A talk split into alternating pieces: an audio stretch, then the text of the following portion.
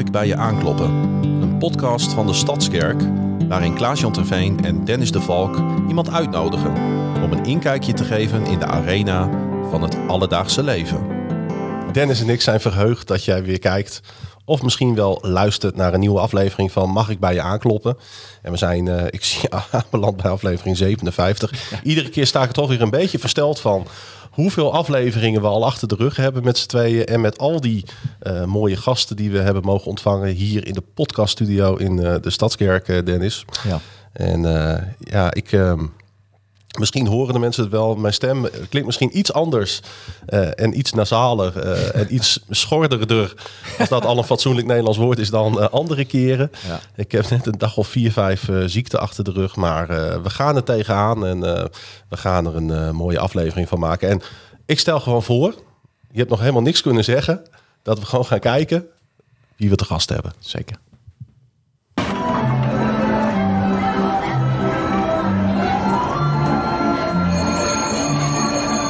Rondje rond de tafel met Dennis, Klaas-Jan en Martijn de Haan.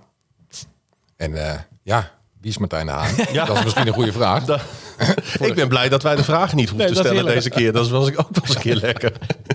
Zou ik me kunnen voorstellen. Nou, voor eh, degene die me niet kennen, de, Martijn de Haan, ik woon in eh, Assen. En eh wordt eh, al hopelijk over eh, kleine zeven dagen 45. Eh, nou, dat is al best wel een eindje onderweg, maar vooruit. We hebben nog eh, minimaal het eh, dubbele, hè, dat Zo is het. zin te gaan. Ehm, ben getrouwd eh, met de Yvonne. Ehm, en heb eh, vier prachtige kinderen. eh, die inmiddels al in de tiener slash eh, twintigers eh, zitten. Dus eh, er zijn nog twee thuis. En eh, de andere, en ik noem dat altijd een beetje hotelkinderen. Ik weet niet of jullie dat, eh, die term kennen. Maar die komen en gaan een beetje Ja, ja, ja, wanneer het hun uitkomt. En ze betalen alleen niet. Dat is het dat verschil is- met het hotel. Ehm, en de andere twee wonen eh, buitenshuis. Eén op kamers en de andere heeft ook lekker zijn eigen appartement. En in het dagelijks leven ben ik teamcoach. Eh, dus ik mag eh, vaak opdraven als er gezeik in teams is. en dat is eh, heel leuk, vind ik in elk geval. Word je dan zo her en der zomaar ingezet? Nou, heb je wel een vaste basis? Ja, we worden niet zomaar ingezet. Je wordt natuurlijk vaak wel door een leidinggevende gebeld die merkt van joh, in het team loopt het gewoon niet lekker. En ik heb daar hulp bij nodig. Ehm, en wij gaan altijd eigenlijk van tevoren ook wel met eigenlijk met alle teamleden in gesprek. Omdat je vaak merkt dat de teammanager of teamleider wel eh, urgentie voelt. Alleen als het team denkt, ja, hm, hij wil iets, dan prima. Ah, Van mij heb je geen last.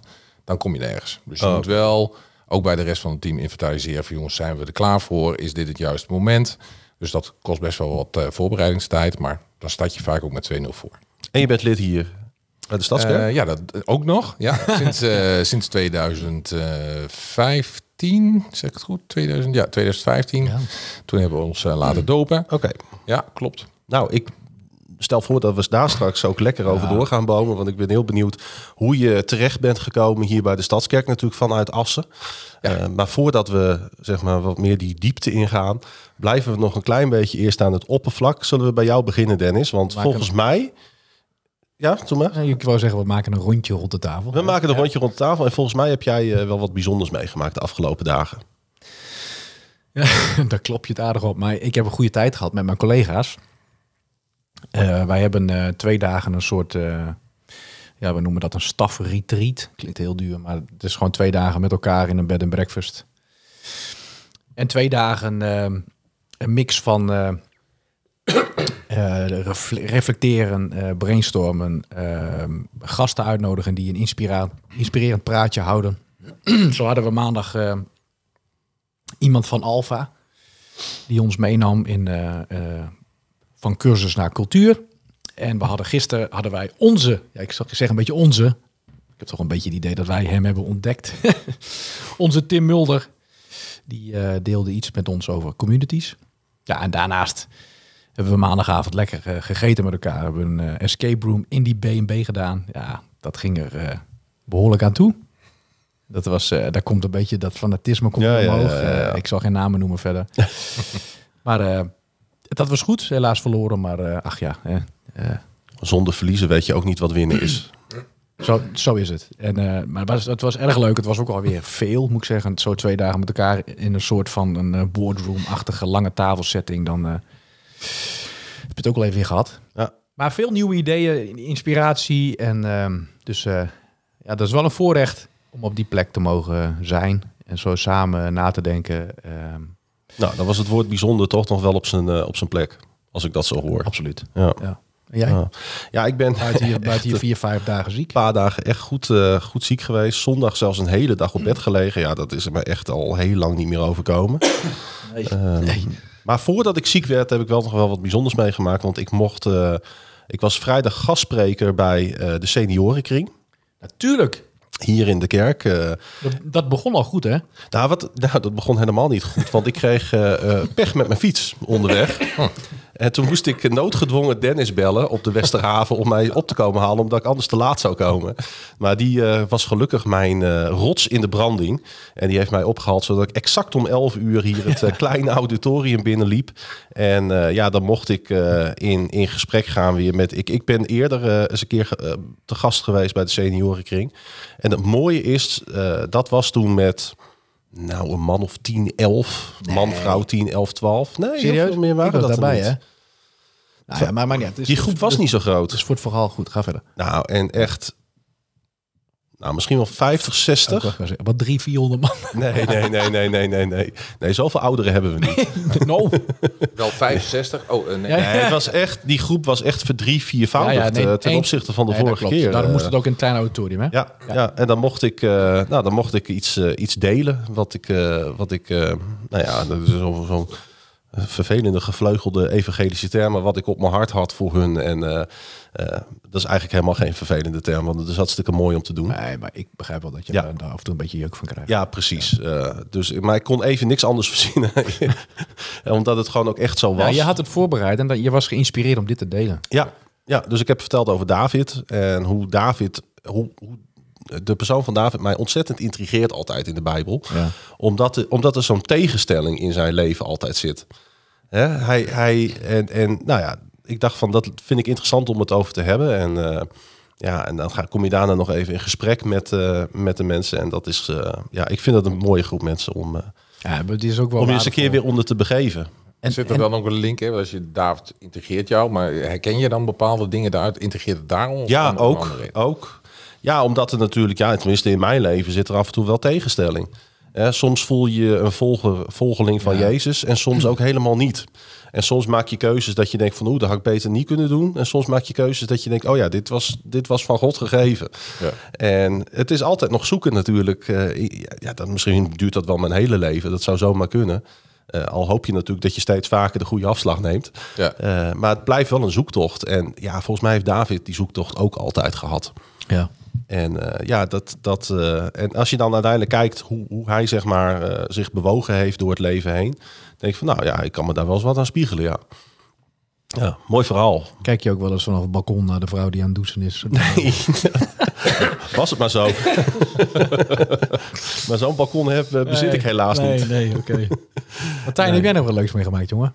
Ja, ik heb ook wel iets bijzonders meegemaakt. Eh, ik heb eh, afgelopen zaterdag hadden wij de nieuwjaarsbijeenkomst van eh Hope for Ukraine. Staat hier op mijn eh, shirt. Ja, daar hoorde ik over, ja. Daar zullen we vast ook nog wel iets over, of tenminste, daar wil ik nog wel wat over delen. Ja. En ehm, Daar gaan wij over, hè? ja, dat klopt. dat klopt. Maar eh, ik probeer, altijd een klein beetje toch om mezelf een beetje te sturen. De- Dennis weet dat. Ja. En ehm, eh, daar was in elk een van de dames die vertelde echt een fantastisch mooi verhaal waarin God gewoon, eh, ja, gewoon heel duidelijk naar voren komt. Wat ze dus vertelde is dat ze dus aan de Oekraïnse grens aan het helpen was. En omdat ze Nederlands was, mocht zij de mensen naar Nederland toe helpen. En het was laptop en eh, vervolgens je Bali en succes daarmee. Zo. Eh, dus nou ja, ze dacht, nou oké, zal wel. En ze was daarvoor echt nou, ja, wel gelovig opgevoed, maar gewoon was een beetje eh, weggeraakt. Ehm, en in die paar weken dat ze daar was, heeft ze dus meerdere keren tot God gebeden van ja, help me alsjeblieft, want hoe ga ik dat dan organiseren? En er kwamen allerlei eh, nou, het, bussen en alles werd georganiseerd. Maar op een gegeven moment kwam een mevrouw uit de Mariupol en die had tijdens dat bombardement op het ziekenhuis, eh, was ze net bij haar dochter die eh, moest bevallen. En eh, nou, was dus zwaar gewond geraakt, moest in het ziekenhuis blijven. En haar kinderen waren naar Rotterdam eh, weg. die kon, waren daar naartoe gebracht. Dit, dit is nog niet zo heel lang geleden. Jawel, dat, dat was echt aan het begin van de, Aan het begin, aan het oké. begin van de oorlog. Dat we even de tijdlijn Ja. juist hebben. Ja. Oké, ja. Dus, en ehm, nou ja, vervolgens zei die vrouw, ik wil dus naar Rotterdam. En de komende drie weken zaten alle bussen, alles was vol. Dus zij had echt zoiets, ik wil die vrouw helpen, maar ik zou niet weten hoe.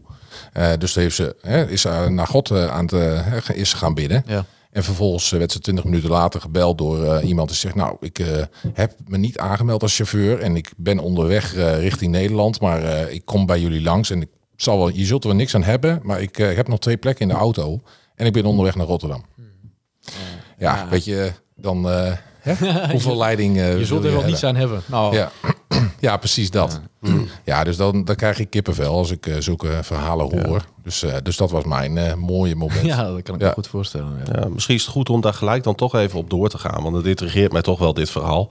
En dan komen we later misschien nog wel even op andere zaken. Maar goed, ik merk wel dat hier jouw hart ligt. En eh, Zeker. misschien Ja. is het toch aardig om daar gelijk even op in te haken. Want eh, ehm, kun, je, Helemaal goed. kun je uitleggen waarom... ehm, en misschien is dat, vind jij dat een gekke vraag. Maar waarom ligt jouw hart zo eh, voor Oekraïne op dit moment? Nou ja, ik, eh, dat is eigenlijk een beetje ontstaan doordat uiteindelijk eh, een goede vriend van mij en eh, Dennis kent hem ook goed, Tony Jansen mij belde van joh, ik ben aangeraakt door een stichting Hope for Ukraine die met vrijwilligers naar Oekraïne gaat om daar te helpen. En ik wil eigenlijk wel mee in januari, maar ik wil eigenlijk niet alleen. En dat was afgelopen januari. Ehm, en toen dacht ik aan jou. En, Precies eh, een jaar terug. Bedoel ja, precies een jaar terug. Dus hè, rond deze tijd was ik bijna onderweg die kant op. En ehm, nou, hij wou graag dat ik meeging. En hij had mij in april van 2022 ook gevraagd om mee te gaan eh, naar de grens. En eh, toen zei ik van nou, eh, dat lukt niet met mijn werk. Ehm, en nu kreeg ik weer de vraag. En toen dacht ik, ja, vraagt hij het nou of eh, vraagt iemand anders dit? En eh, nou ja, dus ik had heel erg het gevoel dat God zei van joh, Martijn, het wordt tijd dat jij eh, wat stappen gaat zetten. En ja, eh, Oekraïne was dat op dat moment. En ehm, ja, als je daar eenmaal naartoe gaat, zeg maar, ze zeggen je gaat natuurlijk oorlogsgebied in. Ehm, alleen het enige risico wat je loopt, is wat ze aangeven, is dat je weer terug wil. Eh, En, dat, en dat was ook zo. Dus je, als je daar eenmaal bent geweest, dan eh, ja, laat, je- laat je dat niet meer los.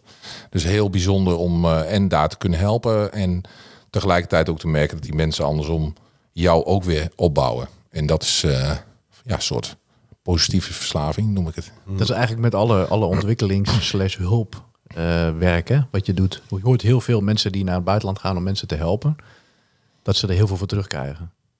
Vind Ja, vind, en- ik vind dat zo mooi en zo rijk. Ja, nou, en wat er wat bij mij erin zit, is dat ik gewoon afgelopen jaar heb gemerkt als je steeds meer in Gods koninkrijk werkt, en dat kan ver weg of dichtbij, eh, dan wordt je leven op andere vlakken ook enorm gezegend. Ja. Dus het is altijd een eh, win-win situatie, om maar even zo te noemen. Ja. Eh, en dat heb ik ook echt de afgelopen jaren wel ervaren. Zeg maar, ik, eh, ik ben zelfstandig ondernemer, dus als je zo'n week weggaat, dan kost dat dubbel geld, zeg ik altijd. Ja, zeker. Ehm, maar dat heb ik niet in mijn omzet gezien, juist Nee. andersom.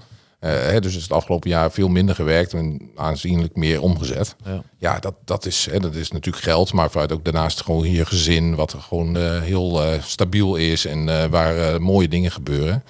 Ja, dat voelt wel voor mij als een zegen. Ja, Mooi man. Kun je ons, ons eens meenemen naar het, naar het eerste moment dat je Oekraïne binnenrijdt? ja dat, dat kan ik.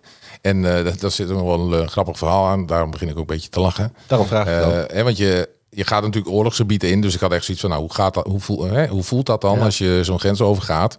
Nou ja, je komt bij Polen en nou ja, ze zijn daar, vinden ze het blijkbaar heel belangrijk om nou, net te doen alsof zij heel belangrijk zijn. Dus je moet vooral ook niet lachen, gewoon heel serieus papieren afleveren en dan ga je de grens over. Nou, aan de Oekraïnse kant werkt dat eigenlijk gelijk hetzelfde. En hoe, even tussendoor, hoe ging je daar? Ging je zelf met de auto of met een busje met anderen? Hoe ging dat? Ja, we gingen met busjes, zeg maar. Want de eerste keer eh, gingen we met eh 23 man. Dus we hadden twee, eh, twee busjes eh, bij ons, drie busjes bij ons. Anders past het er niet in. Nee. En dan is het eh, twee dagen rijden. Dus je bent in principe ja, met een overnachting erbij. eh, ben je twee dagen onderweg om daar te komen. Ja. Ehm, ja, en we kwamen bij de grens en dan is het in de busjes blijven. En eh, ja, je mag wel hu- humanitair vervoeren. Hè, dus je mag de hele file voorbij rijden. Dus dat is wel fijn. Ja. Want het zijn echt kilometers auto's wat daar staat. Voel je dan ook dat de spanning zich wel een beetje aan het opbouwen is? Nee, dat, valt dat wel mee? Dat valt wel mee. Ja, dat, tenminste bij mij viel dat wel mee. Ik was meer gewoon eh, bezig met, eh, nou ja, inderdaad de verbazing dat je de rij voorbij rijdt en dat niemand eh, de auto ervoor zet van, ho, hey, ik sta hier al een paar uur en jij jakkert er zo voorbij. Dus dat was meer gewoon even waar ik mee bezig was. Ik was ook een van de chauffeurs die zeg maar, bij de grens ook de grensovergang moest doen. Oh ja. Ehm, ja, dan, nou ja, na een goede twee uur ben je de grens over. Nou, dat is eigenlijk best wel snel, want het kan soms ook wel vier, vijf uur duren. En, eh, en waarom, niemand weet het. Maar en dan kom je de grens over en dan wil je, of tenminste mensen willen dan wel naar het toilet, want dat kan er daar natuurlijk ook niet. Eh, en dan is het eerste restaurantje waar je dan terecht komt, zeg maar, of tenminste, het was niet eens echt een restaurant. Er staat een heel groot bord naast met een, eh, ja, een soort van afbeelding van iemand die gaat plassen, zeg maar. Ja. En daar staat dan een knipschaar. Hè, dus als je wil plast, dat was mijn eerste ontmoeting met Oekraïne. Dan knippen ze hem eraf. Daar knippen ze hem eraf. Ja. Ja. Joh.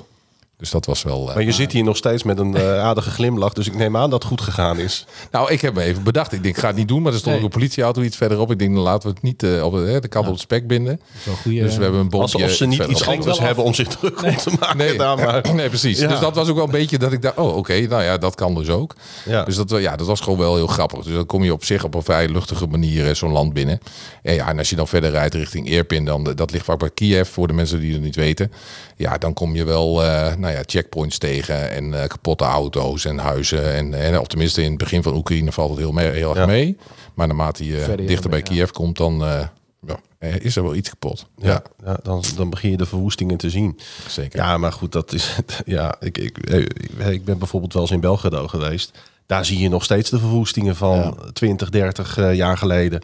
Ja. Dat, eh, dat die, die schade is bijna niet meer te herstellen op een gegeven moment. eh, Nee. ja, op, op die schaal al. Wat, wat in Oekraïne natuurlijk al heeft plaatsgevonden. Want we hebben het nu over iets wat een tijdje geleden heeft plaatsgevonden. Maar het duurt natuurlijk nog steeds gewoon door. Ja, zeker. En, en het is dus inderdaad, de materiële schade is natuurlijk enorm. Maar de mentale schade wordt op Ja. dit moment alleen nog maar groter en groter en Hoe groter. langer het duurt. Ja. Ja, heb ik, ik veel contact ook met de, in elk geval eh, een dame die veel daar regelt vanuit eh, Oekraïne met haar, eh, met haar man en kinderen. Ja, weet je, je merkt gewoon dat, eh, dat de oorlog zijn tol begint te eisen. Dus eh, ja, als je elke nacht, naar, dus je stel voor je gaat op bed en je denkt, nou, zal het vannacht eh, rustig blijven of niet? En je hoort het luchtalarm weer gaan en dan denk je, ja, eh, moet ik nou, nou wel of niet naar de schuilkelder? Of moet ik zelfs mijn huis uit? Hè? Want de koffer staat bijna standaard eh, bij de voordeur. Ja, dat, dat gaat gewoon eh, aan Je je wordt, vreten. je wordt bijna een soort van immuun misschien op een gegeven moment. Hè? Ook voor oorlog. Ja, dat zou je denken, maar ze... ze Wij of hun? Nee, ik je? kan me voorstellen, Uber, nou misschien wij ook, maar is, ik, ja, ja, ik, heel veel mensen die kijken naar deze podcast, luisteren naar deze podcast, zijn wellicht ook in Israël geweest. Ja, op een gegeven moment eh, merk je ook daar dat mensen een klein beetje ermee gaan leren leven. En Ja, en je moet ergens ook wel, hè? Want toen Ja. ik daar de eerste keer was, toen eh, zijn we ook... wil je bij- geen woorden in de mond leggen hoor. Nee, nee, nee, eh, maar ik herken op zich wel wat je zegt. Aan de andere kant denk ik dat het nooit went. Maar je merkt wel dat je op een gegeven moment wel je leven weer op moet pakken. En dat was ook, eh, ze hebben een van de bruggen hebben ze kapot, zelf kapot gemaakt om te voorkomen dat de Russen naar Kiev gingen. Ja. Ja, en dan kom je daar in januari en dan zijn ze die brug weer aan het herbouwen. En dan zeg je, nou, dat is misschien wel een heel beetje vroeg. Want eh, voor hetzelfde geld proberen ze het gewoon nog een keer. En dan zeggen ze ook van ja, dat één, dat gaat niet gebeuren. Daar hebben ze, zijn ze stellig van overtuigd. En twee, daar kunnen we ook gewoon niet op wachten. Dus we moeten ons leven gewoon weer oppakken. Dus, eh, hè, dus nu maken ze de monument van de brug die kapot is en de nieuwe staat er nu weer naast. Ja. Maar ja, dat is wel wat het is. Je moet op een gegeven moment wel gewoon weer verder. Hey, eens even terug naar dat moment dat je daar, daar aankwam. Hoe, hoe, wat, hoe ga je dan met elkaar te werk? Eh, hoe wordt dat gecoördineerd? Wat ga je doen? Wat is je missie? Ja, nou dat is, gaat iets anders dan in Nederland. We zijn altijd heel georganiseerd hier. En eh, ik moet zeggen, de laatste keer dat ik in oktober er was, was het al veel beter dan in januari. Maar ze hebben gewoon van tevoren projecten waar je aan gaat werken. Ehm, dus dat weet je wel van tevoren. Het is vooral veel opbouwen en soms is ook gewoon eh, ja, eh, stenen ruimen enzovoort. Om te zorgen dat er weer gebouwd kan worden. Maar soms zijn de materialen er niet. Of dan zijn ze met hijskranen bezig dat je denkt, ah, ik weet niet of dit zo heel veilig is. Ehm, en ook eh, soms sta je op eh, stellages. Dat, je, dat zou in Nederland echt niet goedgekeurd worden. Dus het is ook wel een beetje met ik eh, ga met God en hopen dat het goed gaat. Zeg maar een beetje dat. Ehm, ja, maar vooral heel veel gewoon helpen dat mensen in elk geval weer perspectief krijgen. En dat is wel wat je in zo'n week merkt. Is dat ze redelijk nou, apathisch soms wel zijn. Van, nou, we weten het eigenlijk niet meer. En als je dan dus mensen uit Nederland krijgt, dan snappen ze nog steeds helemaal niks van. Dat wij daar eh, vrijwillig naartoe gaan. En als je dan dus samen met hun aan het werk gaat, dan na zo'n week hebben ze weer energie om zelf weer door te gaan. Ja, dat is wel eh, de grootste winst. Ja. Ja. Jullie hebben daar huisjes gebouwd, toch? En ook van die eh, al, al units. Die Tiny houses, ja, tiny die, eh, houses die worden daar eh, inderdaad neergezet. Dat was dus vooral in het begin ook heel veel gedaan. En nu merk je dat ze toch wel weer de huizen zelf weer aan het herbouwen zijn. Dus dan is het soms zorgen dat de fundering weer helemaal vrij is, zodat er weer opgebouwd kan worden. Of inderdaad letterlijk gewoon, eh, de laatste keer eh, heb ik een huis geïsoleerd. Nou, had ik daarvoor nog nooit gedaan. Nee. Dus, eh dat Dus je doet, je doet dingen waarvan je niet dacht dat je ze kon. Precies, ja. Dus dat is ook, dat is ook gewoon heel leuk. En, en gewoon met fantastische mensen. Dus je, Ja. je stapt in zo'n busje en dan ken je eigenlijk bijna niemand. Inmiddels ken ik er natuurlijk wel een paar. Maar ook afgelopen keer waren er heel veel nieuwe mensen bij. En ook geen gelovige mensen, hè, want de stichting is eh, van origine christelijk. Ja, en dan sta je op een stripje met vijf man die eh, niks, hè, al, echt al heel lang niet in een kerk zijn geweest. En ik dacht, nou ik ben heel benieuwd hoe dat gaat. Maar ik heb fantastische gesprekken gehad over Jezus. En eh, heel erg nieuwsgierig naar wat, wat ons dan beweegt daarin. Dus dat was heel, heel Maar gaaf. om- omgekeerd ook natuurlijk de nieuwsgierigheid wat hun dan beweegt. Ja, zeker. Ja, en dan, en dan zie je dat, eh, hè, dat uiteindelijk de basis niet zo heel veel anders is. Alleen je hangt er een ander labeltje aan. Ja. Ja. Stuk, stukje naast de liefde, empathie. Hmm. En, eh, Maar Ja. kun, kun je dan ook gewoon leven zonder Jezus? Wat mij betreft niet. Eh, maar ja, sommige mensen zijn eh, nog in de, in de fase dat ze dat nog eh, of denken of het heel lastig vinden om eh, wel, eh, nou ja, het echt letterlijk het label, als je dat zo mag noemen, God op te plakken. Ja. Eh, dus dat, ja, weet je, dus eh, ik eh, hou er niet van om te oordelen. Hè, dus dat mag le- le- lekker iemand anders doen. Maar ik kan er nou van niet zonder God. is dat niet gewoon, dat is denk ik niet oordelen. Dus je, je gunt hun dat wat jij hebt. Je gunt hun de diepere lagen van het leven. Wat je niet hebt gehad, kun je ook niet missen. Dus, de, dus ik denk dat het een beetje de mooiere versie is van... eh, ehm, nou, want we zijn vrij snel geneigd dat we denken, ja, je kunt niet zonder Jezus. Als jij zonder Jezus leeft, heb je eigenlijk geen goed leven. Terwijl die mensen echt, naar hun idee natuurlijk, een prachtig leven hebben. Ja, daarom stel ik die vraag ook, want dat integreert mij toch. En dat is eh, al vaker in deze podcast, is dat, eh, borrelt dat op. Hè? Ja. Hoe, hoe zit dat nou? Dat wij allemaal zo, zo verschrikkelijk hard vinden dat we Jezus en God nodig hebben en die genade. En ik vind dat ook, want anders had ik me nooit laten dopen en was ik geen lid geworden van een kerk. Eh, dat, dat staat buiten kijf. Maar ik zie ondertussen ook heel veel mensen zich in de wereld voortbewegen die Jezus helemaal niet kennen. En waarvan ik denk van nou, volgens mij gaat het best wel goed met jou. En jij gaat ook gewoon naar Oekraïne om te helpen. En jij geeft ook gewoon misschien wel een tiende van je salaris aan goede doelen. Mhm, zeker. En, eh, maar ik, de- ik denk dan van, weet je, God is daar al wel mee aan het werk. Alleen dat hebben ze zelf dan nog niet in de gaten. Eh, hè, want je zit ook heel veel mensen die het prima hebben, maar die leven echt heel duidelijk voor zichzelf. Dat, Ja. dat merk je in alles. En deze mensen, ja, die hebben eigenlijk wel gewoon diezelfde naaste liefde die, eh, die wij ook eh, door God heen eh, krijgen. Alleen, ja, ik denk echt dat God daar nog mee aan het werk is. En dat ze ergens nog op een moment komen. En juist door dus inderdaad zulke dingen te doen, daarmee in aanraking te komen. Want ze hebben wel bewust gekozen voor een christelijke stichting. Dat wisten ze van tevoren. Ja, en dan krijg je dus ook zulke mooie gesprekken. Ja, weet je, dat hadden ze anders ook niet gehad. En andersom, ik ook niet. Eh, dus ja, ik, ik zie dat meer als een proces waar, eh, waar God echt wel op zijn tijd denkt van nou, nu is het jouw moment. Ja. Dat heb ik zelf ook gehad. Ja. Eh, hè, dus ik ben ook niet altijd, ik ben wel christelijk opgevoed, maar dat wil niet zeggen dat ik christen was, zeg maar, in doen Nee. en later. Nee. Eh, dus ja, voor mij was het ook 35, toen ik 35 werd, eh, dat hij dacht, nou, wordt wel een keer tijd, Martijn. Ja. Ja. Zometeen eens even na dat eh, leven, al- zeg maar voor eh, dit hele gebeur deze hele gebeurtenis. Eh, en toch nog even een laatste vraag daarover, zonder te politiek te worden, want dat, dat, eh, daar moeten we ook voor oppassen. En daar zit eigenlijk ook niet de boodschap, denk ik, van wat je vertelt. Eh, Maar je merkt natuurlijk wel dat, dat nu de boel wat aan het shiften is in hoe er naar die oorlog gekeken wordt. Hoe kijk jij daarnaar nu? Want ja, er zijn mensen die zeggen van ja, we moeten eigenlijk helemaal stoppen met hulp. We moeten stoppen met militaire hulp. We moeten ja, hè, en zo zijn er allemaal verschillende meningen aan het ontstaan. En uiteindelijk zijn die mensen natuurlijk gewoon nog aan het krimperen daar in, eh, in Oekraïne. Hoe, hoe, hoe kijk je daar vanaf de bank in Nederland naar? Gaat, gaat het, gaat, gaat, gaan de vingers dan jeuken? Nou ja, ik ben, ik ben niet zo snel dat ik, dat ik daar eh, boos of zo om word. Maar ik, ik zou ze vooral uitnodigen van ga, ga gewoon maar eens een keer een week mee. Eh, en dan wil ik je daarna nog wel een keer spreken. En Ja. ik denk dat je dan een andere mening hebt. Want eh, ja, de- precies wat jij zegt. Die mensen daar hebben gewoon nog steeds keihard die hulp nodig. Eh, en stel je dan voor dat je zelf in oor- oorlog bent. En dat iemand dan tegen jou zegt, nou weet je, ik zie het, het gaat niet helemaal lekker de goede kant op. Dus vanaf vandaag stoppen we ermee. Ja. Ja, ondenkbaar Ja, wat mij betreft. Zo'n moeilijke zo'n moeilijke situatie. Ik, ik heb nog een andere vraag. Die totaal niet iets met politiek te maken heeft. Of met... eh, eh, als je kijkt naar... Je bent, je bent twee keer in Oekraïne geweest in 2023. Mhm. Als je er nu aan terugdenkt, welk moment heeft je het meest aangegrepen?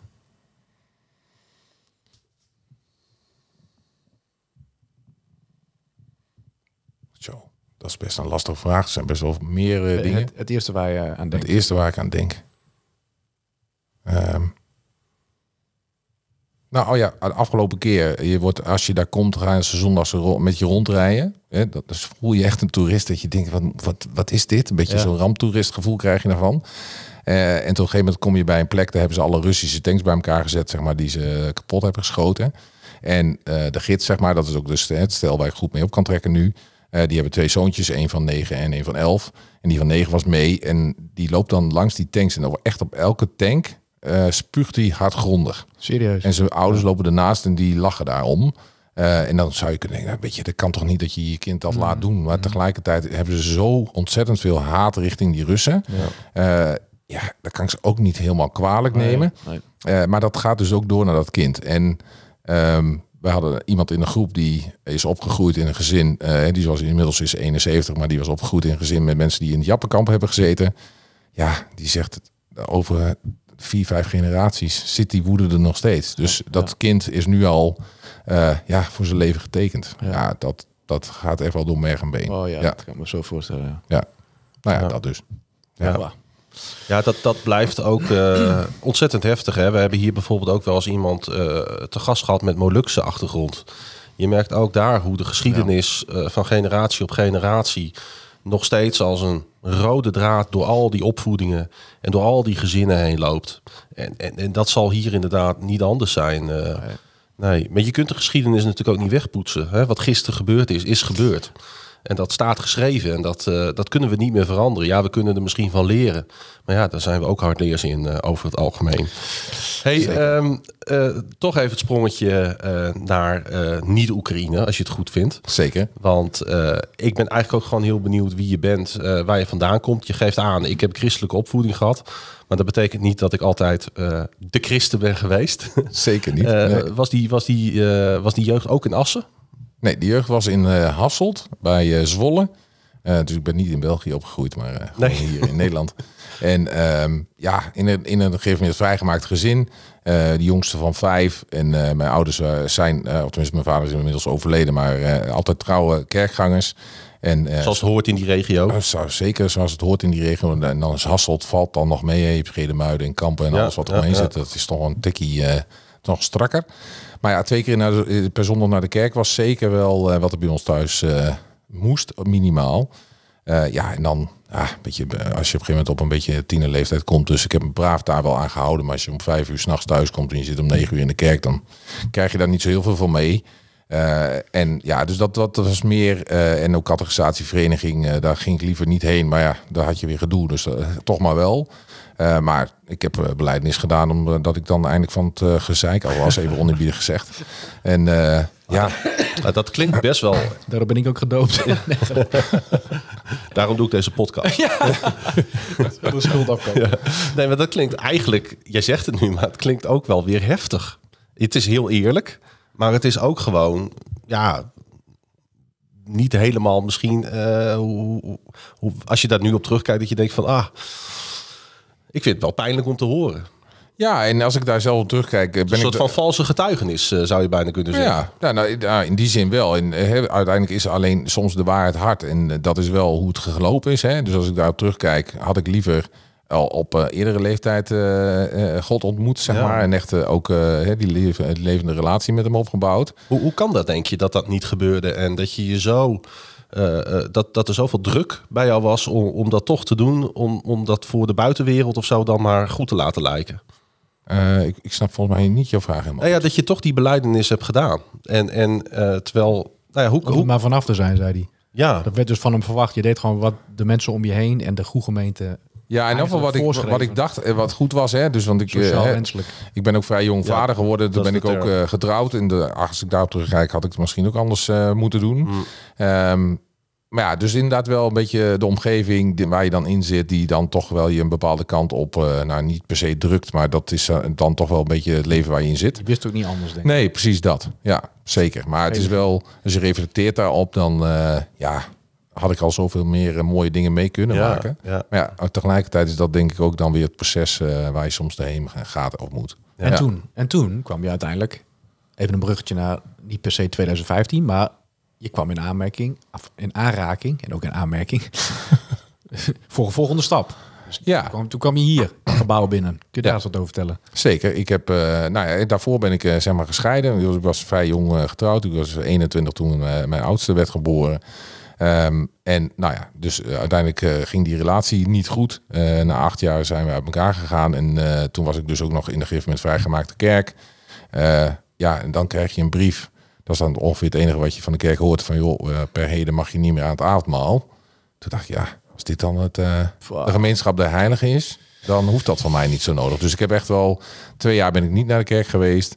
Ehm, het lijntje naar boven is nooit doorgeknipt, zeg ik altijd. Dus, eh, maar ik had wel zoiets, ik heb daar niet een kerk bij nodig. Gewoon teleurgesteld Precies, de kerk ja. en de mensen. Zeker. En nou, toen werd Yvonne op mijn eh, pad geplaatst. En die eh, heeft geen kerkelijke achtergrond. Dus die eh, ja, was, nou, ik dacht echt wel een sprookje of zo. waar jullie, Ja. hè, dus bij, bij mijn ouders thuis ging het vaak over het geloof. Dus ze dacht echt, nou, het zal wel. Maar wel, wel bij respectvol, maar ze konden niet zo, nog niet zo heel veel mee.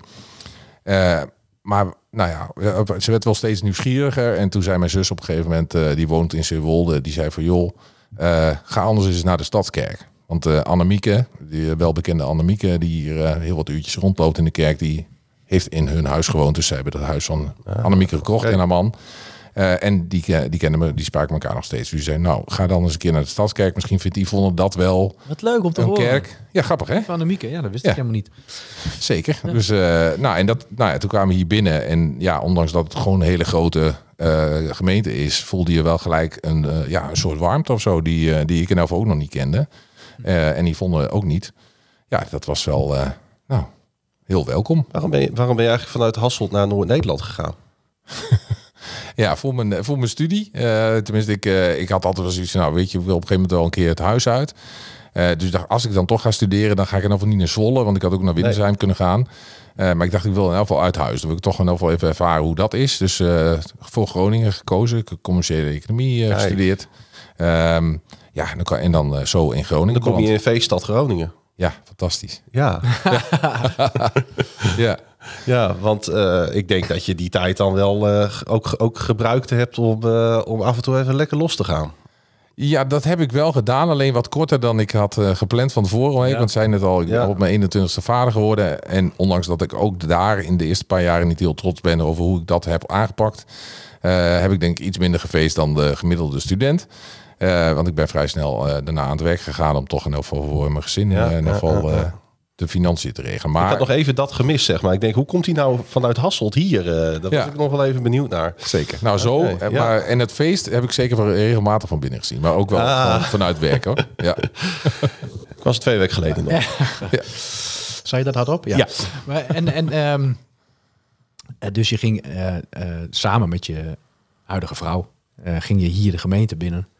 En je, je merkte, eh, we gaan even verder, je merkte dat het hier, dat je hier, eh, nou, dat het, het, gaf het, je, het gaf je een warm gevoel. Vervolgens liet je je dopen. Ik weet nog dat je op een gegeven moment eh, heel enthousiast werd voor het mannenwerk. Zeker. Daar heb je nog eh, heel veel uurtjes in gestoken. Dat heette voorheen Fisherman. Ja, gisteren nog over gehad. Ik neem het even over hoor. Ik denk, ik doe even een paar bruggetjes, want ik, hij, hij heeft ook een heel mooi verhaal. Iets wat mij ook wel enorm Ik ben raakt. heel blij dat jij mij een beetje op sleeptouw neemt. ja, ja, want, ja. eh, Kom, wakker blijven, wakker blijven. ja, precies. ja, ja. maar eh, wij hebben elkaar ontmoet, eh, denk ik, niet heel veel later. Na 2015. Dat denk ik. Zoiets. 2016, 2017, zoiets. Ja. toen zijn we samen op een mannenkring geweest. Zeker. Dat was een fantastische periode, Zeker. als ik erop terugkijk. Eh, en wat ik We missen je nog steeds, Dennis. Morgen zitten we weer bij Ja, elkaar. heerlijk. dat is de kwartaalbijeenkomst. Oh, Nee, hoe noem je dat? Ja, ja, kwartaalkring. Ja, heet het. Die jongens zijn gewoon doorgegaan. Eh, en die komen één keer in de, nou ja, kwartaal pak een beet, ja, Ja. pak een beet bij elkaar om elkaar te zien.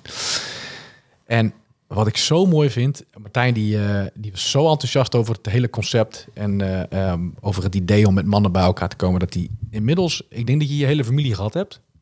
Nou, ik heb Ah, in met mijn broers en zwagers eh, zijn we nog steeds onderweg. Zeg maar, hebben we gewoon het eh, programma doorlopen en Ja. ook de besluit genomen om door te gaan. En ik ben net weer, eh, nou, ik heb net gisteravond, avond drie van mijn, denk ik, achtste of negende keer uh, mannenkring Ja, gehad. ik dacht dat, ik, dat, ik, dat ik de koploper was.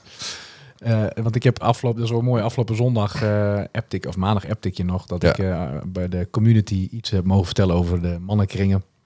Heel erg lang verhaal in het kort. In 2011 ehm er, er- ervoer ik dat het iets, iets was in mijn leven waar ik iets mee moest gaan doen. Iets met ehm, Band of Brothers, groepen mannen bij elkaar om eh, aan, aan de hand van materiaal zeg maar, samen de diepgang te zoeken.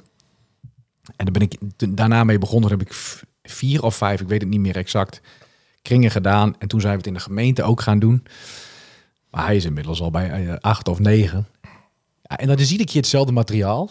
Dus iedere keer ga je hetzelfde proces doen, maar het is iedere keer anders.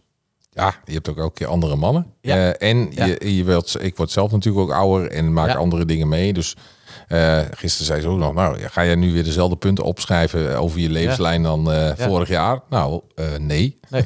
Want ook de afgelopen periode heb ik weer dingen meegemaakt die me weer gevormd hebben. Ja.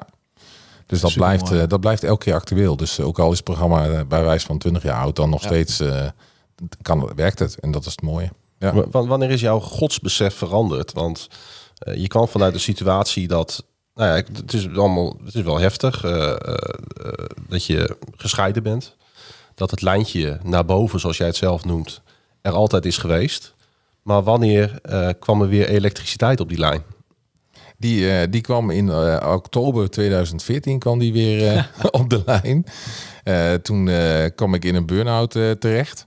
Eh, dus ik eh, we had net een functie als manager particulier bij een eh, lokale Rabobank geaccepteerd. En dat was 15 jaar daarvoor had ik gezegd, dat is mijn baan. En toen zat ik in die baan en toen ging het mis. Dus dat was een hele rare situatie. Dat ik echt dacht, ik weet niet wat er nu gebeurt. Want ik, ik zit volgens mij op de plek waar ik zou moeten zijn. Tenminste, dat wil ik. En dat ben ik dus blijkbaar niet. Ehm, en ik heb toen echt wel heel erg ervaren dat, dat God tegen me zei van... joh Martijn, je hebt nu de afgelopen 35 jaar het alleen gedaan. En eh, het was de grote Martijn show. Eh, dus kies maar, wil je dat nog eh, door blijven doen? Of wil je in het licht stappen samen met mij? En dat betekent alleen wel dat je alle shit eruit moet gooien. Ja. Nou, dat, die laatste keuze heb ik gemaakt. En met een hoop ellende wat daarna allemaal erachter aankwam.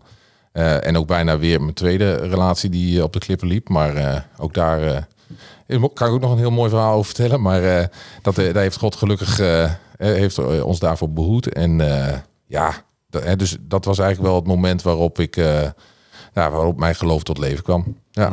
Je eens, om, om, om het toch aan te, aan te stippen, zeg maar, één voorbeeld geven waarvan je denkt van ja, dat is een verandering in mijn leven geweest. Nou, daar vond God van dat het nodig was. Uh, ja, zeker. Wel meerdere. Maar ik, ik, denk het belangrijkste is denk ik mijn kijk naar op vrouwen. Zeg maar, hè. Dus uh, daar ben ik ook altijd open en eerlijk in. Zeg maar. Heel veel mannen, daar heb ik ook door de mannenkringen heen gemerkt, hebben wel iets met uh, pornografie. Vinden ze wel een ingewikkeld dingetje. Had ik ook. Hè. Dus je beeld van een vrouw was altijd wel een beetje op belust uh, hè, zeg maar, gestoeld. Ja. Um, en, en, dus ook van seksualiteit überhaupt. Ja, ja, echt wel daar een verkeerd beeld van hebben. Een verwrongen en, beeld. Ja, verwrongen beeld. En dat is, uh, dat is nu, ja, in hoeverre dat 100% zuiver kan zijn, maar er zit er dicht tegenaan. Uh, hè, dus uh, ook nu in de mannenkringen die ik begeleid, is het ook, komt dat natuurlijk regelmatig wel weer naar voren. Ja, daar kan ik in elk geval ook nu getuigen dat ik dat, ik dat gewoon de, niet eens de neiging meer, uh, meer heb. En, hè, dus, dus je ziet dus wel eens een mooie vrouw uh, op straat voorbij lopen. En in het verleden gingen mijn gedachten daar dan uh, mee aan de haal. En uh, nu constateer ik hetzelfde, dat er een mooie vrouw voorbij loopt. Alleen dan zie ik dat als een mooi schepsel van God. En de mooiste vrouw zit thuis. Ja, ja. mooi man. Zeker. Dat is een hele verandering. Verlichting Ik kan me ook wel heel erg voorstellen dat het ja, in, je huwelijk in je huwelijk ook heel veel doet. Ook al is het misschien onbewust een soort van een... Uh... Ja, zeker. Want je bent nu veel meer gefocust op nou, hè, gewoon Yvonne. En uh, dat verdient ze ook. En zeker met ja. alle shit die ze in het begin van onze relatie over zich heen heeft gekregen, verdient ze dat nog meer. Eh, ja, weet je, en, en, en wat ik al zei, het, le- het leeft zoveel lichter als je gewoon kan zeggen van joh, dit is eh, wie Martijn is. Ja. En dan nog steeds mag je me of mag je me niet, maar dit is het. Weet je, niet met nog een eh, hele rugzak aan shit die niemand ziet, maar die je wel degelijk bijdraagt. Hoe, hoe heeft je omgeving gereageerd op, eh, laten we het maar zo noemen, je verandering? Je, je vader is er dan helaas niet meer. Eh, maar ik kan me ook voorstellen dat, dat, dat, dat de mensen die dichtbij je staan, bijvoorbeeld je familie, misschien zelfs wel je kinderen, op een gegeven moment jou hebben zien veranderen in een toch wat andere man. Zeker. Ehm, ja, en die, die hebben daar zeker op positieve manier eh, op gereageerd, eh, gelukkig. Ehm, maar ja, ze, ze hebben denk ik wel een Martijn gezien die nog steeds wel klaar staat voor andere mensen. Eh, dat, hè, dat was daarvoor ook wel zo. Alleen was het, eh, nou, vooral zet het in de Telegraaf dat Martijn dat doet. Hè, dus heel erg van, voor mezelf. En nu, eh, ja, mag ik het nu natuurlijk ook over vertellen. Maar vooruit, als dat, als dat niet zo is, dan is dat ook prima. En ik denk dat dat wel het grootste verschil is dat ze dat aan me merken. Dat ik veel meer me dienstbaar opstel dan, dan daarvoor. Ja. En, En daar je- is ook wat voorbeeld ben. In En, de, en niet, niet om eh, maar steeds reclame te maken voor de, voor de mannenkring hoor. Want dat, is natuurlijk een soort van. eh, ja, dat, dat mag we- best, dat, vind ik een goed idee. dat zeggen we vaker, hè? Wij van WC Eend maken. WC eend. Precies. Maar heb je door de mannenkringen heen, want dat is acht keer tien avonden, dat is gewoon dat is echt een behoorlijke tijd. Hmm. Dat je dat hebt doorleefd. Heb je daarin ook een verandering gemerkt in jezelf, aan jezelf, in je omgeving, in je, hoe je met je kinderen omgaat, hoe je met je vrouw omgaat? Ja, nou ja, je, je weet hoe, het, eh, hè, hoe de avonden eruit zien. Ja. En een van de avonden is, is dat je drie positieve, drie negatieve dingen over je vader eh, op moet schrijven. Eh, en ik weet nog in de mannenkring waar jij ook bij was, dat ik dat überhaupt gewoon niet op kon schrijven. Ook niet Nee. drie positieve, ook niks negatiefs. Het kreeg gewoon niks op papier. Ehm, Blokkade. gewoon een volledige blokkade. Het lukte me gewoon echt niet. En die kwam heel hard binnen. En toen dacht ik, nou, dat is richting mijn eigen vader natuurlijk wel, eh, ja, niet, in ieder geval op zijn minst niet fijn. Maar ik dacht wel, dat gaat ni- niet gebeuren dat mijn kinderen dat ook niet kunnen. En eh, daarvoor was ik echt toch wel te weinig met ook die relatie bezig. Dus dat is daardoor wel veranderd. Dus ik ben nu veel meer eh, aan het genieten van de quality time die ik met mijn kinderen heb. Ze zijn nu uit huis, dus dan moet je er altijd een beetje naar zoeken. Eh, dus de- vanaf die tijd zijn we ook gewoon in elk geval, eh, we gaan één keer in de twee jaar, eh, in elk geval met elkaar gewoon echt een weekend. Hè, Ga ik apart met ze weg om gewoon ja, tijd samen door te brengen. Wat doe je dan? Ehm, nou ja, we, hè, we zijn de laatste keer ben ik bijvoorbeeld met mijn dochter naar Barcelona geweest, met mijn zoon naar Engeland. En dit keer blijft gewoon Nederland. Hè. Moet wel financieel ook nog leuk blijven. Ja. Maar ja, weet je, wat doe je dan? Zeg maar, met, met mijn zoon ga ik nu naar Eindhoven binnenkort. Eh, omdat hij eens een keer eh, PSV Feyenoord eh, wilde zien. Eh, gek van voetbal zijn we alle Maar er twee. is in ieder geval één iemand hier in de zaal. Voor, voor Feyenoord neem ik aan. Ja. Nee, we zijn, al- hij, hij is voor Groningen en ik, mij maakt het geen eh, bal uit, om het even zo te zeggen. Maar ja, zo'n wedstrijd. Met een PSV Feyenoord. Nou, hij was het grote, grote clubs zijn. Ja, en hij was er nooit in Eindhoven Oh, geweest. Ik dacht, nou, als we er dan toch zijn, laten we dat. Hè, dus, maar we gaan niet per se naar het stadion, want die tickets waren al lang natuurlijk Oh, wel uitgevoerd. gewoon Maar in samen kroeg. in de kroeg. Oh, Voetbal gezellig, man. Ja, en dat is, dat is de band die ik met hem heb. En dan Ja. hij gelooft niet, maar weet je, de, hè, je merkt wel dat hij bepaalde normen en waarden, eh, nou, gelukkig wel heeft overgenomen. En ook daarin denk ik ook nog steeds dat hij ook dat labeltje nog niet kan plakken. Maar ik zie wel dingen in zijn leven dat ik denk, nou, ik eh, heb er nog wel hoop eh, op. En eh, bid daar regelmatig voor. Ja, en met mijn dochter, die, die heeft weer andere interesses. Dus ja, dan pas je je daarop aan. Hè. Dus soms doe je ook dingen waarvan je denkt, oh, vind ik dit zelf nog heel erg leuk. Maar vooruit, dat gaat, het kind vindt het wel heel leuk. Ja. Ja, en daar, Dat heb je wel geleerd. Want dat- was vroeger misschien anders. Ja, dan moest het vooral voor... ook om jou. Ik weet niet of jullie dat herkennen. want Je Dennis heeft natuurlijk ook kinderen. En ik kon vroeger mijn kinderen niet laten winnen met het spelletje hoor. Oké. Echt niet. ja, vind ik ook vrij lastig. Mijn probleem is, ik heb geen kinderen, maar mijn neefjes en mijn nichtjes zijn zo slim dat ze dus mij gewoon verslaan. Ik laat ze niet eens winnen, ik verlies gewoon. Ja, ja. Ja, Dat is Nou ja, erg. Ja, dat, dat, aan de ene kant is dat erg, maar aan de andere kant denk ik, als je dus de kans hebt om, om je kind dus een succesmoment Ja. eh, te geven en je doet het bewust niet, omdat je niet over jezelf heen kan stappen, Ja, ah, dat is heftig. vond ik ook Had wel jij, eh, niet, heftig. Ja. had jij niet vroeger juist... Ik had juist vroeger heel veel moeite mee om, ze met, om met ze te gaan puzzelen. Gewoon dingen, gaan dingen van kinderen van 5, 6, waar je denkt van... Ja, maar hier heb ik zo geen zin in. Ga jij maar lekker puzzelen, ik kijk wel even hoe je het doet. Weet je wel, dat. Dat je heel erg bezig was met of je er zelf zin in Ja, had. nou ja, dat. Ja. eh, precies, dat herken ik wel, ja. ja. Maar, dat, maar dat hebben we allebei niet meer, hè? Eh, je loopt nu een, ti- een tijdje, je loopt nu een tijdje rond hier. Zeiden ze eh, ja, ik merk het. een tijdje rond hier in de Stadskerk. Eh, eh, ben je hier op je plek? Eh, ja, ik ben niet zeker op mijn plek. Eh, ik, durf te zeggen dat ik wel eh, enige activiteit hier eh, doe, zeg maar. Dus dat, dat vind ik mooi. En het is een mooie gemeente waar veel gebeurt. Ehm, eh, en ik denk nog steeds dat we dat er nog steeds meer mensen in deze gemeente actiever zouden kunnen zijn. Hè? Want je ziet toch vaak wel de usual suspects voorbij komen als er iets moet gebeuren. Maar het heeft en onze kinderen, ondanks dat ze op dit moment allemaal denken van nou, we kunnen het wel zonder. Eh, eh, zijn ze wel allemaal op kring geweest en hebben ze toch echt wel een aantal dingen meegekregen die ik heel waardevol vind. Ehm, ja, en, en ook gewoon hier, zeg maar, juist waar we het net ook over hadden met communities en naar buiten toe. Eh, dat kan hier denk ik ook nog steeds wel beter en meer. Maar hè, dat, daar word je wel in geval toe geïnspireerd. En dat, dat vind ik ook gewoon heel fijn dat dat, eh, dat, dat hier zo is. Ja. Ik, ik heb nog, eigenlijk nog één vraag voordat we naar Roelof gaan. Als je het goed vindt. Wat is jouw verlangen voor 2024? Nou, dat is wel grappig, want we hebben het afgelopen zondag eh, met een van mijn mannenkringen zijn we op pad geweest. Ik wist dat niet, hè? Even een eh, dis- disclaimer. Dit is echt een oprechte vraag. Ja. En ik heb in 2023, zeg maar, heb ik echt ervaren dat als je dus meer in Gods Koninkrijk aan het werk gaat en je dus in de positieve zin laat gebruiken, dat je eh, je leven ook, hè, je eigen leven gezegend wordt. Ehm, en dan toch heb ik nog steeds zo nu hè, wel de gedachte van, oeh, als het allemaal maar wel kan. Weet je, dus dat je toch nog te veel daar zelf nog grip op wil houden. En ik wil eigenlijk voor 2024 is mijn wens wel dat ik nog, steeds, nog meer leer eh, volledig vertrouwen op God. Ja. Nou, dat is een mooi antwoord. Eh, gaan we naar Roelof. Ongeveer drie minuten luisteren. En ehm, ik ben benieuwd eh, welke boodschap die heeft. We hebben natuurlijk moeten missen. Ja. Eh, tw- twee weken geleden. Ja. We gaan weer naar hem luisteren. Ja.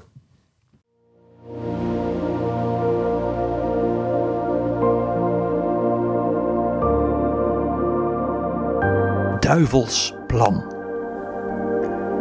Er is een prachtige film, een Franse film uit 1953.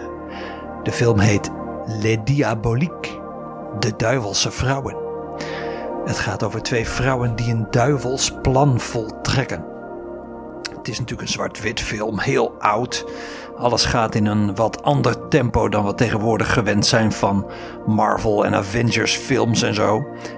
En toch mag ik die film heel graag zien, want het is een film met inhoud. Twee vrouwen beramen een moord op een verschrikkelijke man, maar dan ook echt een verschrikkelijke man. En als de daad voltrokken is, begint de film eigenlijk pas echt. En kleine aanwijzing na kleine aanwijzing krijgen de vrouwen het gevoel, het idee. "I- Is die man echt dood? Maar we hebben het allemaal gezien. Hij was, hij was morsdood. En ze dumpen hem in een zwembad en het zwembad wordt leeggepompt en niks. En, en iemand heeft gemeend, daar, daar liep hij, daar was hij. Er wordt ergens een foto gemaakt en in het hoekje van de foto staat hij daar. En met dat dat soort aanwijzingen zich opstapelen, groeit het schuldgevoel bij een van de vrouwen. Schuld op schuld op schuld. Ondraaglijke schuld. En dat is natuurlijk het eigenlijke onderwerp van die film. Want ook al kun je voor jezelf van tevoren je geweten vrijpleiten en zeggen van ik heb geen keus, ik, ik moet deze verschrikkelijke daad doen. Vergelijk het met eh, we hebben een tijdmachine, we gaan terugreizen in de tijd om het babytje Hitler in de wieg te smoren. Fantastisch plan. En je staat bij de wieg en wie ligt daar? Hitler? Nee, een babytje. Je kunt het nooit goed doen op het moment dat je denkt: laat ik deze gewelddaad inzetten om de toekomst te redden. En dat is wat de film duidelijk maakt. Je kunt je geweten proberen vrij te pleiten, maar schuld blijft knagen. Hoe gaan we om met schuld? Schuld fluistert op de achtergrond. Op zoveel manieren, op zoveel plekken, in zoveel levens. De schuldvraag is eigenlijk voor onszelf als mensen onoplosbaar. En daarom is het zo mooi om zo nu en dan, laten we zeggen eens per week, elkaar te ontmoeten, te zingen, elkaar in de ogen te kijken en te weten, we zijn vrij en niet omdat we dat aan onszelf te danken hebben. Ja, bijna een beetje een soort van eh, deel 2 ten opzichte van eh, twee weken geleden. Hè? Want schuld en vergeving, die hebben natuurlijk alles met elkaar te maken. Ja. Realiseer ik mij nu. Nou ja, dat is, eh, dat is een goede constatering. Ja. Eigenlijk was dit deel 1 en zou dat deel 2 moeten zijn. Als je een beetje begrijpt wat in- ik eh, bedoel. in in, in de bijbelse volgorde. chronologische volgorde. Maar wel, wel een heftige conclusie, hè? Dat schuld blijft knagen. Dat vind ik eh, Ja. zo mooi dat, dat het niet hoeft, maar dat het nog zo vaak er wel is. Nou, heftig. En we Ja. hebben er allemaal mee te maken. Ja. Of we krijgen er allemaal vroeg of laat eh, mee te maken. Zeker. Maar ik geloof wel, als je ook dat elke keer weer terugbrengt in het licht, weet je, dan heeft de duivel daar ook geen Nee. eh, grip meer op. En dan knaagt het aanzienlijk minder. Ja, zo mooi. Dat is, dat is weer ook naar de vorige aflevering. Dat heeft Jesse letterlijk gezegd. Ja, In het licht brengen. ja klopt. Muziek. Zeker.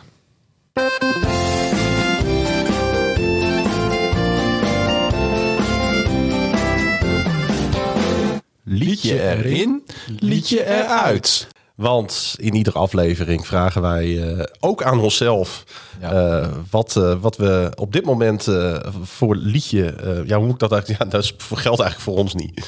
Eh, wij moeten iedere twee weken een liedje uitzoeken. Bij ons is het meer gewoon dat het moet. Ja, Nou, nee, zo ervaar ik het niet. nee, het is wel, eh, het blijft mooi. Hey, wat heb jij uitgekozen?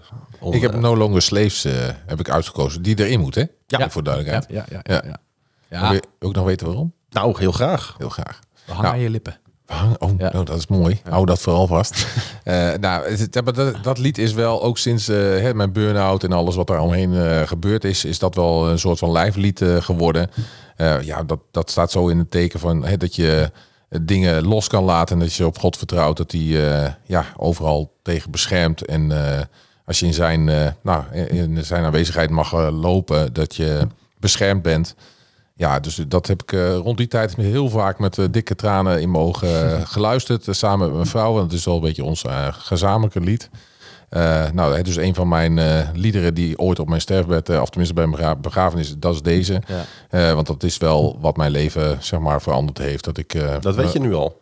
ja, dat weet ik nu al. Want dat is, dat is wel de, die impact zeg maar, van dat moment. Zeg maar, dat Ja. heeft zoveel goeds gebracht in mijn leven. Ja, dat, dat, blijft, bij- dat blijft bij. Dus dat, die staat er sowieso op. Ja, Ja, dan dan hoop ik dat over 45 jaar om en nabij dit lied nog steeds op Spotify staat. ja, ja en anders hebben ze een uitdaging. Ja, toch? En we gaan eh, naar een klein stukje luisteren. Ja.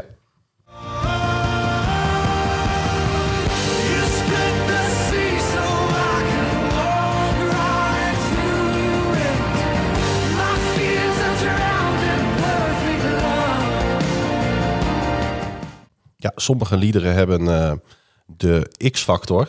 Ja, deze zeker. En deze heeft dat, hè? Zeker weten. Ja, Ja. ja. Zo vaak ook gezongen met de mannen, hè? zeker. Ach, Ja. heerlijk, joh. Ja, en zing je dan mee met, eh, met, met, met gewoon zo- zo'n opname?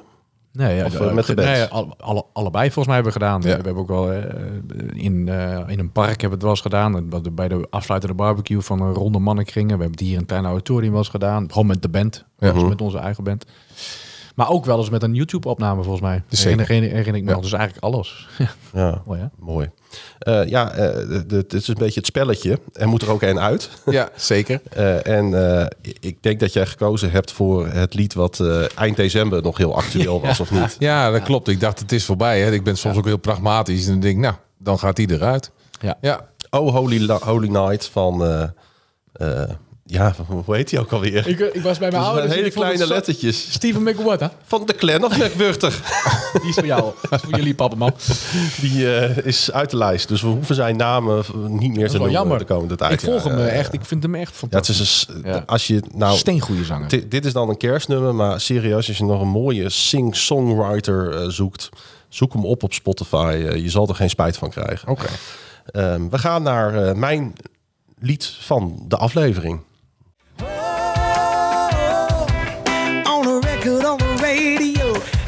nothing like a gospel song. Makes me wanna sing it all day long. Something about that amazing grace sound of praise makes my troubles not seem so strong. Ja, de meeste mensen weten ondertussen wel, uh, je kunt mij wel wakker maken voor een stukje country muziek. Goh. Dat vind, ja, dat vind ik gewoon the heel tof. Ja, vind ik ook mooi. Maar eigenlijk vind ik is country... eh, dat heb ik echt de laatste jaren leren ontdekken als een geweldige muziekstroom. eh. en eh, dit, dit is een heerlijk nummer. Red Walker. Ik, Ja. Is ook weer... eh, Gospel song. Nou ja, de titel zegt natuurlijk al alles. En het is gewoon een lekker nummer. Ja. En dan moet er een uit. het ligt lekker in het gehoor, dat vind je belangrijk, hè? Ja, dat vind ik... Tuurlijk is dat belangrijk. Daar hadden we het vorige keer nog over. Nou ja, ik, nog? Ja. ik heb toen genoemd hè, dat ik in een kerk was in Berlijn. En Oh ja. weet je, ja, dat, dat, dat die mensen ontzettend hun best deden in die kerk. Maar het klonk zo verschrikkelijk. Ja, het heel- was echt... Ik heb nog nooit, ik heb nog nooit mensen zo vals in een kerk horen zingen. En weet je... Je Ik, dacht, waar is die volumeknop? Die kan ik uit. Kan die ja, uit? maar dan... eh, En toch geniet de heer daarvan, hè? Dat zal. Dat is zo mooi. Dat zal. Nee, ja. nee, dat vind ik heel fijn dat hij dat doet, want ik kan het niet. Nee. En eh, eh, nee, dat was niet de reden waarom ik per se in die kerk was. Eh, waren, ik heb daar hele andere dingen weer geleerd. eh, dat, hè, Maar dus dan moet je even aflevering 56 gaan dan moet je gewoon even luisteren inderdaad. Nee, maar ik vind het wel fijn dat... eh ja, nou, country muziek is natuurlijk niet de meest ingewikkelde muziek. En soms is dat wel lekker. Ik heb soms ook, ik heb soms heb ik wel behoefte aan dat. Nee, aan dat. Weet je, hebt van die hele. Eigenlijk is zo- zo'n nummer als No Longer Slaves, dat bouwt zich echt op. En dat wordt zelfs een klein beetje bombastisch, zou je het kunnen noemen. En dat gaat van heel rustig, gaat dat naar heel Klein heftig en indringend. Eh, en dat vind ik af en toe heb ik dat erg nodig. En dat vind ik heerlijk om daarin te verdrinken. En soms vind ik het ook gewoon lekker om op de achtergrond lekker country muziekje op te hebben staan. Snap ik ook. Hey, eh, welke heb, heb ik gekozen om te draaien? Ik vergeet dat altijd. Nummer drie? Ja, dan weten de mensen natuurlijk nog niet wat het is. Dit zijn echt hele kleine lettertjes, Jasper. Jullie Brandon Lake en Chris Brown. Ja. Hey, eh, we gaan eh, luisteren naar jouw keuze.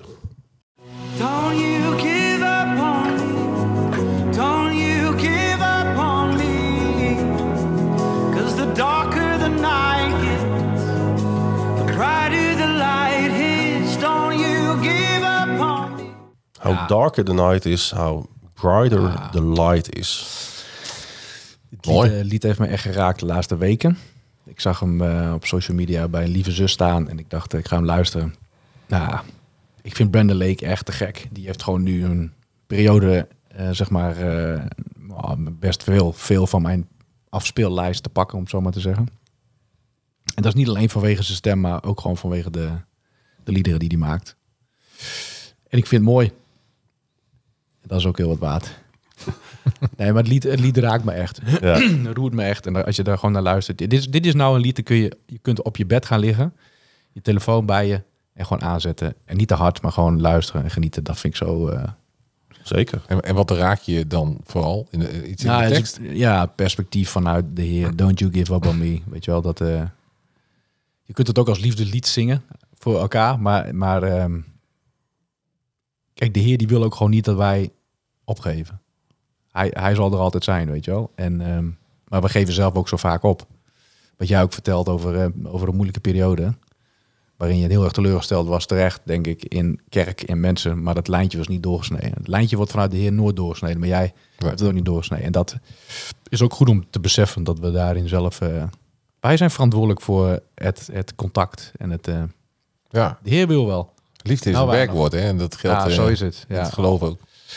Zo is het zeker. Die komt erin. En nummer 1, In the Room, die gaat eruit. En niet omdat ik het lied niet mooi vind, maar ja, er moet wat uit, hè? En die staat er het langst in. En ik denk dat er mensen hem nu genoeg hebben gehoord. Dat denk ik ook. En dan komt er weer volgende. Martijn, Ja. hoe vond je het? ja, heel erg leuk. En eh, de tijd is voorbij gevlogen. Maar dat zullen jullie vaker eh, horen, vermoed ik. Horen we altijd, ja. Ja, dus eh, nee, wat Dennis zei aan het begin, de tijd is te kort. Nou, dat is eh, zeker zo. Maar eh, nee, ik vind het een eer om uitgenodigd te zijn. Dus dank daarvoor. En eh, nee, ik vond het superleuk om eh, met jullie eh, zo het gesprek te hebben. Wij ook, hè? Wij ook. Bedankt dat jij te gast wilde zijn in aflevering 57 van Mag ik bij je aankloppen? En eh, wij danken dat jij, ik moet echt even het papier erbij pakken, want de lettertjes zijn iets te klein voor mij. We danken dat je er was en we bidden je heel veel liefde en zegen toe. Dankjewel. Over twee weken dan zijn wij er weer. Dan met een nieuwe gast. Met Roelof en weer drie nieuwe liedjes. En over die liedjes gesproken. Op Spotify is de lijst te beluisteren en doe dat vooral. En we sluiten af zoals we altijd afsluiten. En dat is met de volgende woorden. Naast dit alles en boven alles danken wij onze Vader. Hij die was, hij die is, hij die komen zal. En lieve luisteraars, hij komt spoedig. Amen. Amen. Amen. Doei.